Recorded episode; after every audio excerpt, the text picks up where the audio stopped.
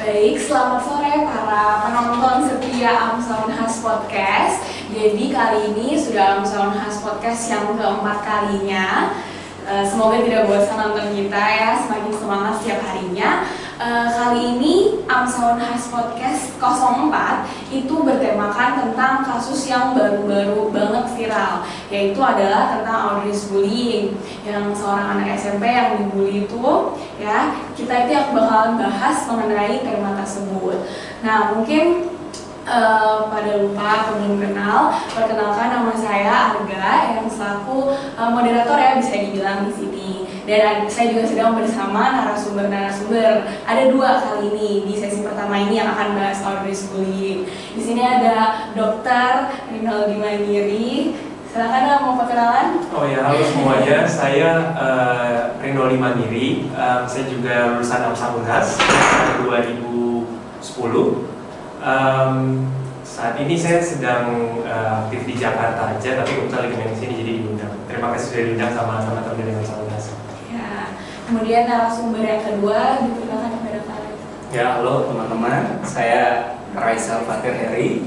Uh, sekarang uh, sementara pendidikan seorang praktisi kesehatan dan tentunya nanti kita akan lihat kasus Audrey bukan cuma dari segi hukum saja tapi juga membahas dari segi kesehatan karena tentunya uh, kami semua berasal dari Absolvents. Iya, terima kasih kalau dan Kak Raisa lebih akrabnya panggilnya gitu sih ya ke teman-teman sekalian. Jadi mungkin teman-teman ada yang belum uh, pernah dengar atau mungkin agak ketinggalan tentang kasusnya, saya akan bacakan uh, sedikit ringkasannya lah. Jadi Audrey ini adalah seorang siswi SMP, dia itu berasal dari Pontianak. Kemudian dia itu mengalami kekerasan. Awalnya tuh perkelahian perkelahian dari media sosial, tapi malah berujung ke kekerasan ke kekerasan di uh, organ genitalnya. Sehingga uh, masyarakat itu jadi jadi viral pokoknya viral apalagi di sosial media sampai ada hashtag justice for Audrey. Nah tapi itu sebelum hasil visumnya keluar. Setelah hasil visumnya keluar ternyata katanya Audrey ini tidak terjadi apa-apa atau tidak terlalu keras uh, tidak terlalu keras uh, ya penganiayanya di organ genitalnya. Jadinya setelah hasil visum keluar masyarakat netizen-netizen tuh pada kaget sehingga muncul lagi hashtag baru yaitu Audrey juga bersalah. Nah jadi uh, Amsaun Has kali ini angkat tema Audrey's bullying, uh, perpetrator or victim. Kita bakalan bahas sama-sama narasumber kita kali ini. Uh, selanjutnya karena tadi kita udah kenalan sama narasumber kita, kita lanjut aja langsung pendapatnya nih kak. Gimana sih kalau menurut dari sisi kak Oni dan kak Raisa mengenai Audrey ini? Um, siapa dulu nih kak? Raisa atau Mungkin saya dulu kali ya.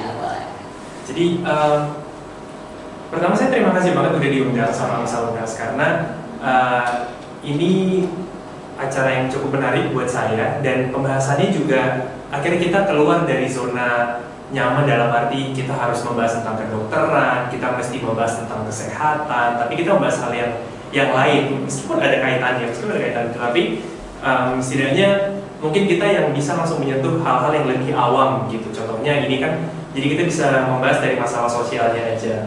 Kalau saya pribadi, kalau misalnya membahas uh, menilai atau meninjau ke area-area hukum, kita saya pribadi enggak saya pribadi tidak terlalu tahu dan paham betul. Tetapi mungkin ada beberapa hal yang kita belajar di forensik dan medico legal um, mungkin sebelum ke sana karena per, per, pertanyaannya Arga tadi respon pertama kali ya pas meninggal itu.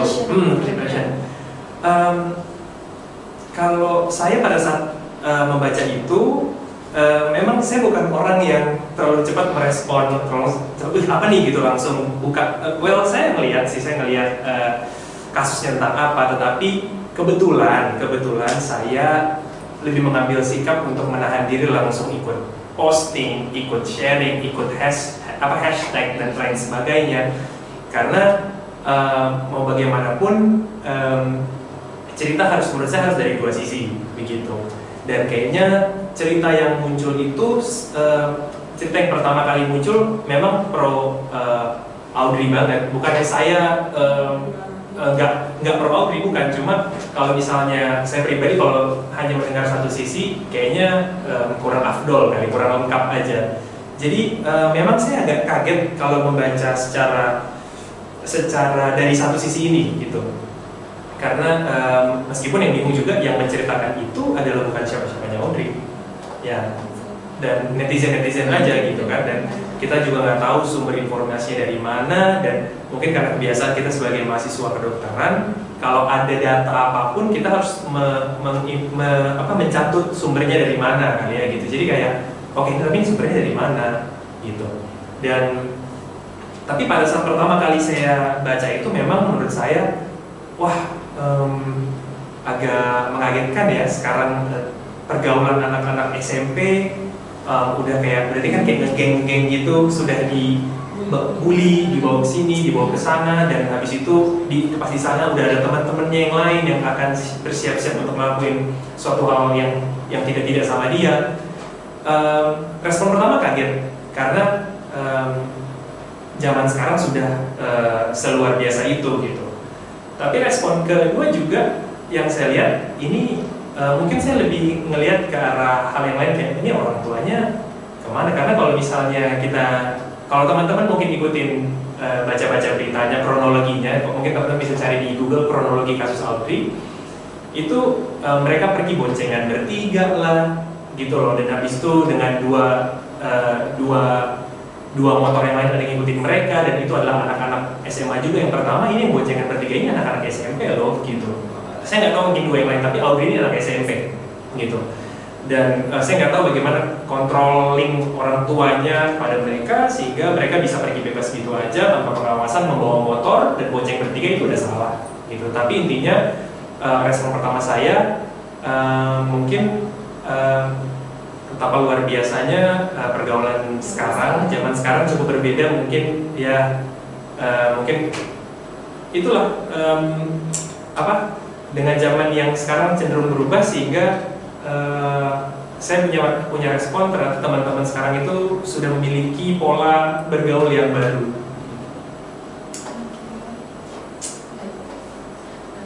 Uh, kalau begitu, uh, kalau menurutnya dari uh, karena itu bagaimana?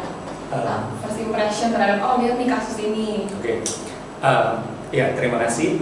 Jadi uh, first impression sebelum ada klarifikasi dari kedua mm -hmm. pihak. Mm -hmm. Nah pertama kali uh, masalah ini viral, uh, kalau Rinaldi merupakan orang yang tidak terlalu responsif yeah. terhadap media sosial, saya adalah orang yang sangat responsif terhadap media sosial. Saya adalah praktisi media sosial sehari-hari.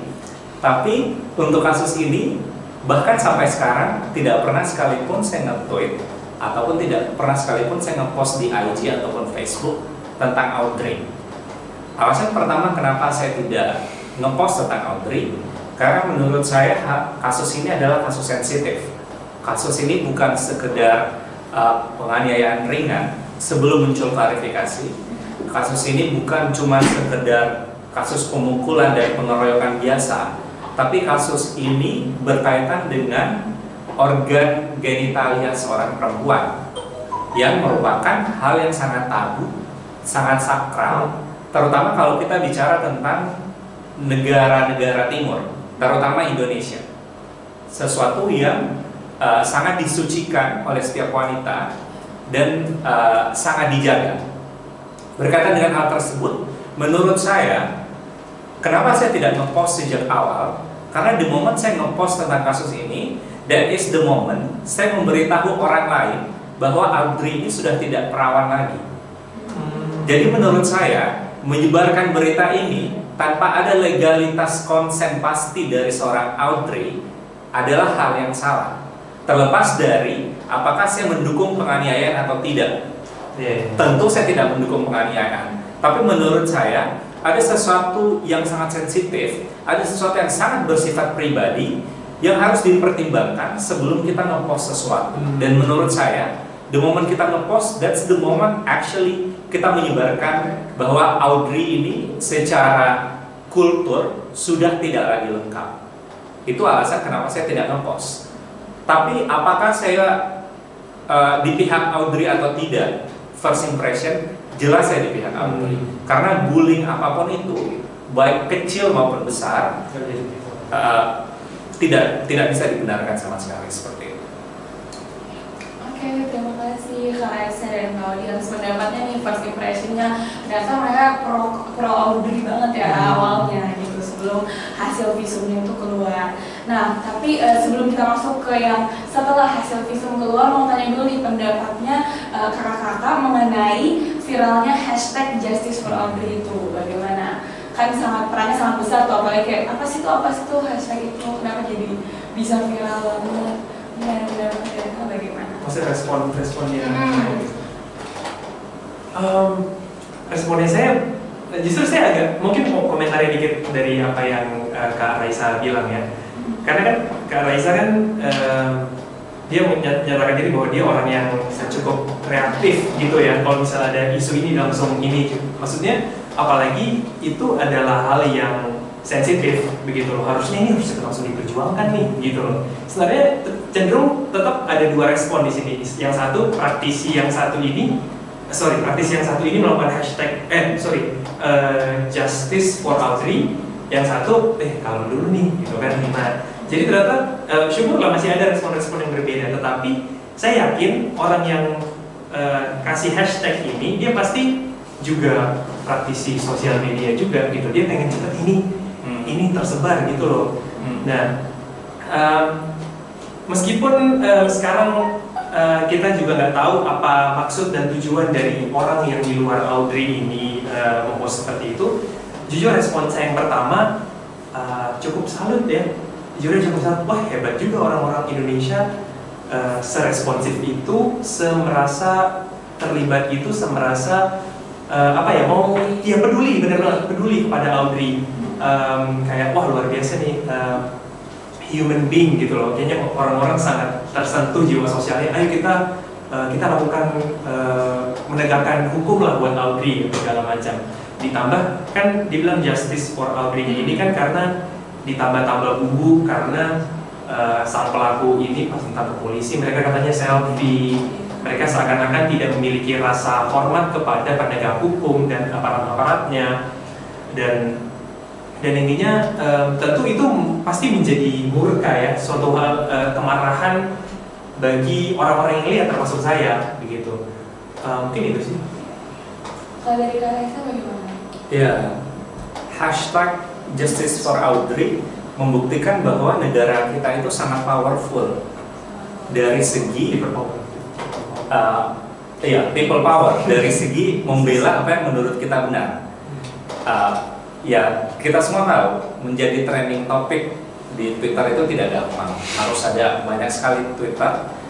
Dan uh, hashtag Justice for, Justice for Audrey menjadi viral dan menjadi trending topik itu membuktikan bahwa sebenarnya orang Indonesia itu memang sudah sangat progresif dari segi stop bullying Hmm. sudah sangat sensitif terhadap isu-isu bullying tapi menurut saya kenapa hal ini menjadi viral bukan karena penganiayaan kenapa hal ini menjadi viral karena kita berbicara tentang genitalia seorang Audrey. Karena ada ribuan kasus bullying di luar sana, tapi tidak ada yang menjadi viral. Hmm. Jadi, eh, apakah saya bangga dengan hashtag itu? Saya sangat bangga. Cuma, seandainya kita bisa mengaplikasikan hashtag ini ke kehidupan sehari-hari itu jauh lebih bagus. Karena sebenarnya kasus bullying di kehidupan sehari-hari sudah sudah sangat banyak dan menurut orang itu hal yang biasa saja. Makanya tidak menjadi viral.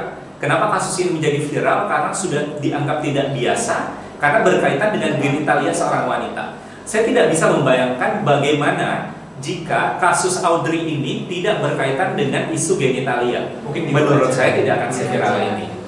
Jadi, apakah saya bangga dengan eh, atau tidak dengan hashtag itu? Saya sangat bangga membuktikan bahwa kita warga Indonesia sudah sangat progresif dan sensitif dalam menilai kasus bullying. Iya. sorry saya mau tambahin dikit ya cuma intinya kalau hal-hal yang viral atau hal-hal yang terkenal di Indonesia tuh em, kayaknya kok terkesan mungkin saya mencoba menarik benang merah ya. Em, tapi semoga semoga ini kesotoyan aja gitu ya. Cuma gitu loh. Jadi kayak misalnya eh, saya pernah datang ke acara acara youtuber apa gitu. Saya lupa namanya. Itu Casey Neistat datang dan pemateri yang lain datang. Siapa tuh suaminya BCL ada ya Ashraf Sinclair. Sama sama Deddy Corbuzier. Hmm. nah waktu itu yang menarik mana lebih menarik dua uh, vlogger ya dua vlogger Indonesia daripada Casey Neistat ini jadi um, dia bilang kenapa tahu nggak kenapa saya terkenal Hmm. nah karena saya menyebalkan Hmm. dia bilang gitu gitu jadi em, maka kalau saya perhatiin kenapa yang kasus Via Valen yang katanya di ini sama pemain bola Hmm. kenapa ini gitu. Kenapa Audrey ini mencuat viral banget? Kenapa ada guru-guru dibully muncul? Menurut saya itu benang merah ini ternyata hal-hal yang kontroversial yang cenderung mengacu kepada pihak yang bisa dibenci itu lebih cepat lebih cepat tersiar gitu loh. Lebih lebih enak orang-orang untuk kayak menyatakan kebencian apa segala macam di sosial media gitu. loh berita apa pun kayak mau tentang politik kayak mau tentang hal-hal yang sosial kayak pokoknya ada pihak yang mana yang bisa kita benci Iya. kita turun rame-rame di situ gitu itu sih sayangnya menurut saya kayaknya ke situ deh gitu. Ya. Oke, terima kasih Kak Saya dan Kak Odi. Eh, selanjutnya itu kita itu kan tadi sebelum ya visumnya Hmm. keluar. Nah, gimana nih kalau misalnya setelah hasil visumnya itu keluar, apakah nanti jadi oh ternyata Audrey emang ini nih cari perhatian aja atau mungkin ternyata malah netizen netizen juga malah banyak yang bully Audrey jadinya bukannya malah negara. Kalau menurut kakak di sini bagaimana? Kak dulu. Muncul jadinya hashtag Oh. baru Audrey juga salah. Uh, Audrey juga salah. Oke, jadi setelah hashtag Justice for Audrey Heeh. muncul hashtag balasan Audrey Iya. juga salah. Nah, yang lucunya adalah ada beberapa netizen yang doing both hashtags. Jadi Iya, iya. pertama secara panas ngepost Justice for Audrey Iya. dapat balasan dari pihak uh, forensik terus ngepost Audrey juga salah. Nah itu uh, mem- membuktikan bahwa sebenarnya sebelum menilai sesuatu kita harus baca dulu, Hmm. jangan langsung ngejudge. Karena di momen kita ngeluarin suatu statement dan statement itu sudah memberikan impact orang itu itu nggak bisa ditarik balik. Nah sekarang muncul hashtag Audrey juga salah. Audrey juga salah, iya itu jelas. Hashtag itu seharusnya tidak muncul belakangan. Dari awal seharusnya kita su- sudah harus sadar bahwa Audrey juga salah. Karena selalu ada dua sisi dari suatu permasalahan. Hmm. Tidak ada satu permasalahan yang benarnya cuma satu pihak, tidak ada sama sekali. Jadi sejak pertama kali saya lihat masalah ini, saya juga merasa bahwa pasti ada sisi salah dari seorang Audrey. Karena saya percaya pre pre-assumption saya semua orang adalah baik sampai terbukti tidak. Nah, pre-assumption saya untuk kasus Audrey quite impossible untuk seorang anak SMA mengeroyok seorang anak SMP tanpa ada sesuatu yang salah dari anak SMP ini. Hmm. Kenapa? Anak SMA sendiri pun sudah lebih powerful dibandingkan seorang anak SMP. Nah, to mention mereka banyak mengeroyok seorang anak SMP. There must be something wrong dengan anak SMP ini. Kemudian muncullah beberapa asumsi dari netizen. Kenapa Audrey akhirnya dibully? Karena perkara di sosial media dan kawan-kawan yang katanya Audrey yang sering menyerang si anak SMA ini sampai anak SMA ini panas. Walaupun serangan Audrey cuma dari segi sosial media, tapi akhirnya dieksekusi dengan cara yang negatif dari anak SMA ini. Nah, hashtag itu menurut saya menambah panjang permasalahan kasus Audrey. Jadi pertama, Audrey dijadikan korban dan yang dibully oleh netizen adalah perpetratornya. Jadi kita sebenarnya uh, mencegah bullying ke Audrey dengan menciptakan bullying baru ke perpetrator. Jadi kita stopping bullying by creating another type of bullying. Nah, sekarang Audrey yang korban bully cuma dari 13 o- 12 orang pelaku. Awalnya bully dia cuma 12 orang nih. Sekarang ada ribuan orang yang bully dia. Finally, dari segi sosial media, simply karena kita ngejudge. Seharusnya sebenarnya kita bisa belajar dari kesalahan sebelumnya bahwa ternyata Audrey tidak sebenar itu. Sampai akhirnya muncul hashtag baru. Tapi ternyata hash- hashtag baru ini kembali viral membuktikan sebenarnya kita tidak belajar dari kesalahan masa lampau. Ya belum tentu ternyata hashtag yang kita buat baru ini ternyata benar. Belum tentu. masih banyak masih masih banyak persepsi. Nah sebenarnya kita sekarang membela perpetrator, tapi apa yang kita bela sekarang itu tidak segampang itu. Kita memberikan dukungan ke perpetrator, tapi mental si perpetrator ini sudah tidak sebaik sebelumnya karena sudah menjadi korban bully di hashtag pertama seperti itu. Jadi respon saya terhadap hashtag berikutnya pertama positifnya adalah itu sudah memperlihatkan bahwa sudah ada mekanisme uh, check and balance dari uh, netizen bahwa ternyata mereka sudah baca, sudah ada hasil forensik dan kawan-kawan dan mereka sudah uh, uh, membenarkan hasil forensik dengan membuat hashtag baru bahwa Audrey juga bersalah. Audrey juga bersalah. Tapi by the way kalau kita lihat dari segi hukum yang melapor adalah si Audrey. Ketika yang melapor cuma si Audrey, Berarti kita melihat kasus ini dari perspektif seorang Audrey. Yeah. Dari segi hukum kita tidak melihat kasus ini dari segi si penganiaya. Jadi ketika Audrey yang melapor, sebenarnya secara hukum Audrey adalah korban. Jadi hashtag Audrey juga bersalah tidak akan berpengaruh ke proses hukum Audrey hmm. kecuali si pelaku ini melapor hmm. seperti itu. Karena kita lihat kasus hukumnya dari segi seorang Audrey.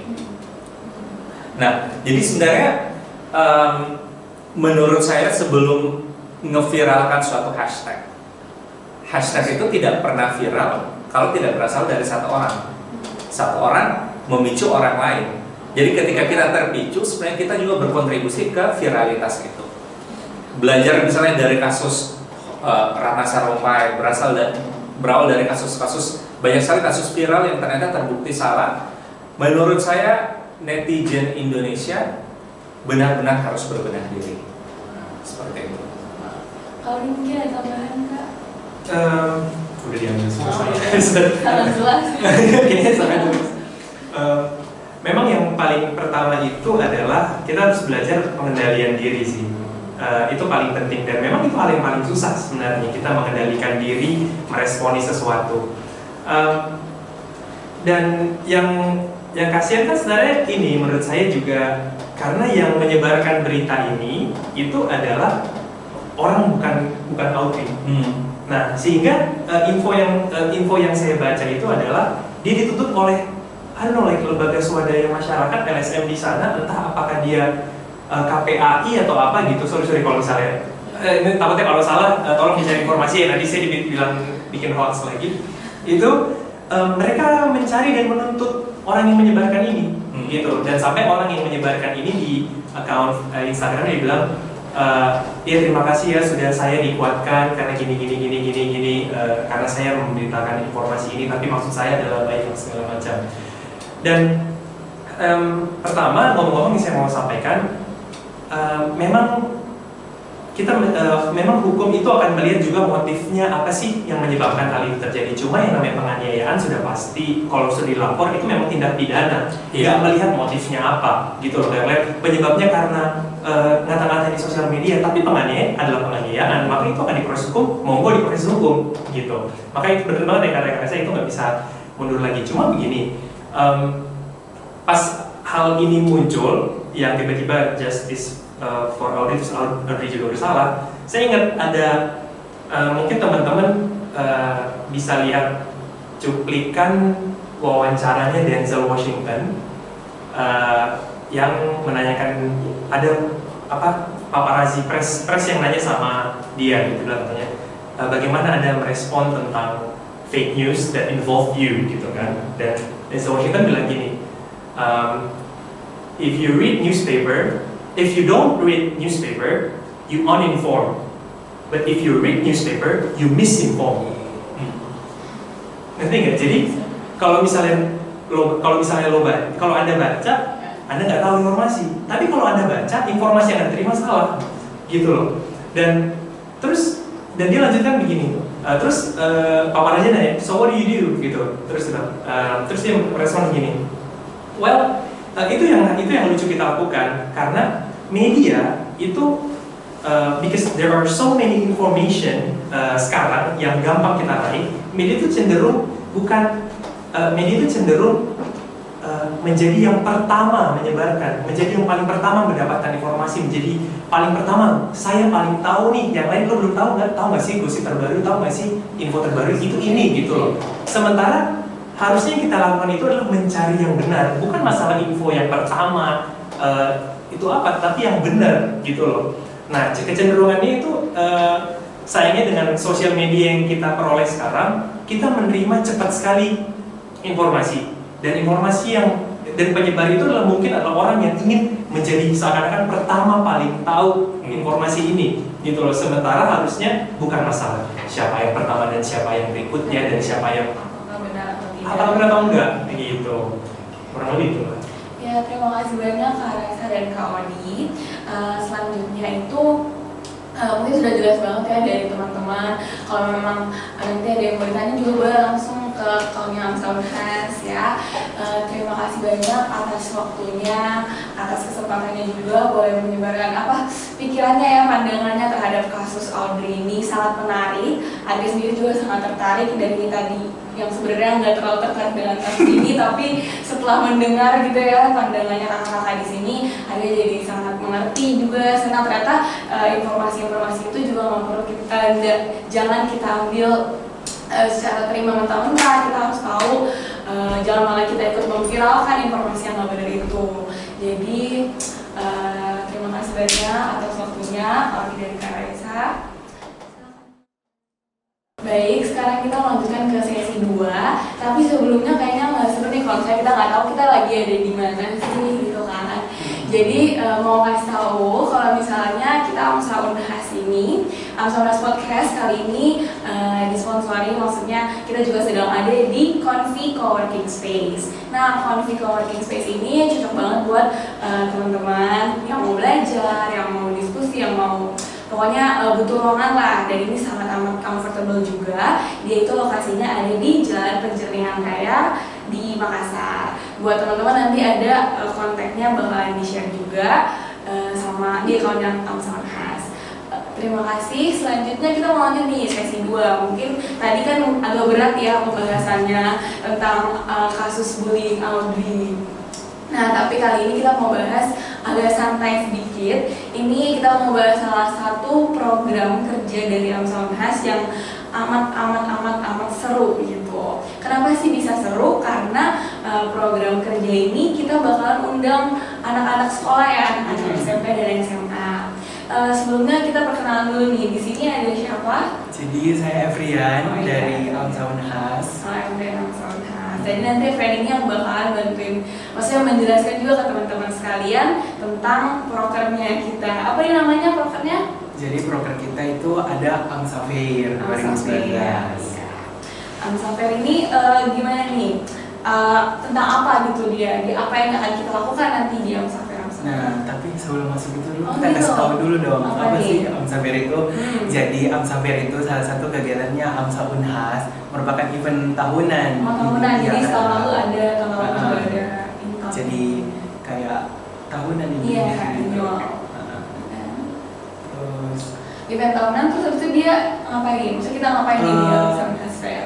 Kita ke kita kayak bikin event yang kita jelaskan ke masyarakat masyarakat ataupun ke pelajar pelajar tentang eh, gimana sih sebenarnya salah satu item kegiatan ini kayak one day as a medical doctor. Bagaimana sih sebenarnya kehidupan eh, di kuliah di fakultas kedokteran. Terus Hmm. yang tak kalah serunya lagi tahun ini ada booth baru ya booth gizi di, di mana semua masyarakat bisa ikut dan terbuka untuk umum intinya harga. Oh iya, jadi ini teruntuk anak-anak sekolah yang tertarik ya untuk Ah, yang eh, mau ya, seperti untuk kedokteran. dunia kedokteran yang mau masuk FK mungkin nanti mau masuk FK Unhas atau FK mana dan Iya. penasaran itu cocok banget datang ke Amsa Unhas Fair. Jadi nanti kita bakalan ada booth-booth banyak banget nih boothnya. Iya. Ada booth apa aja?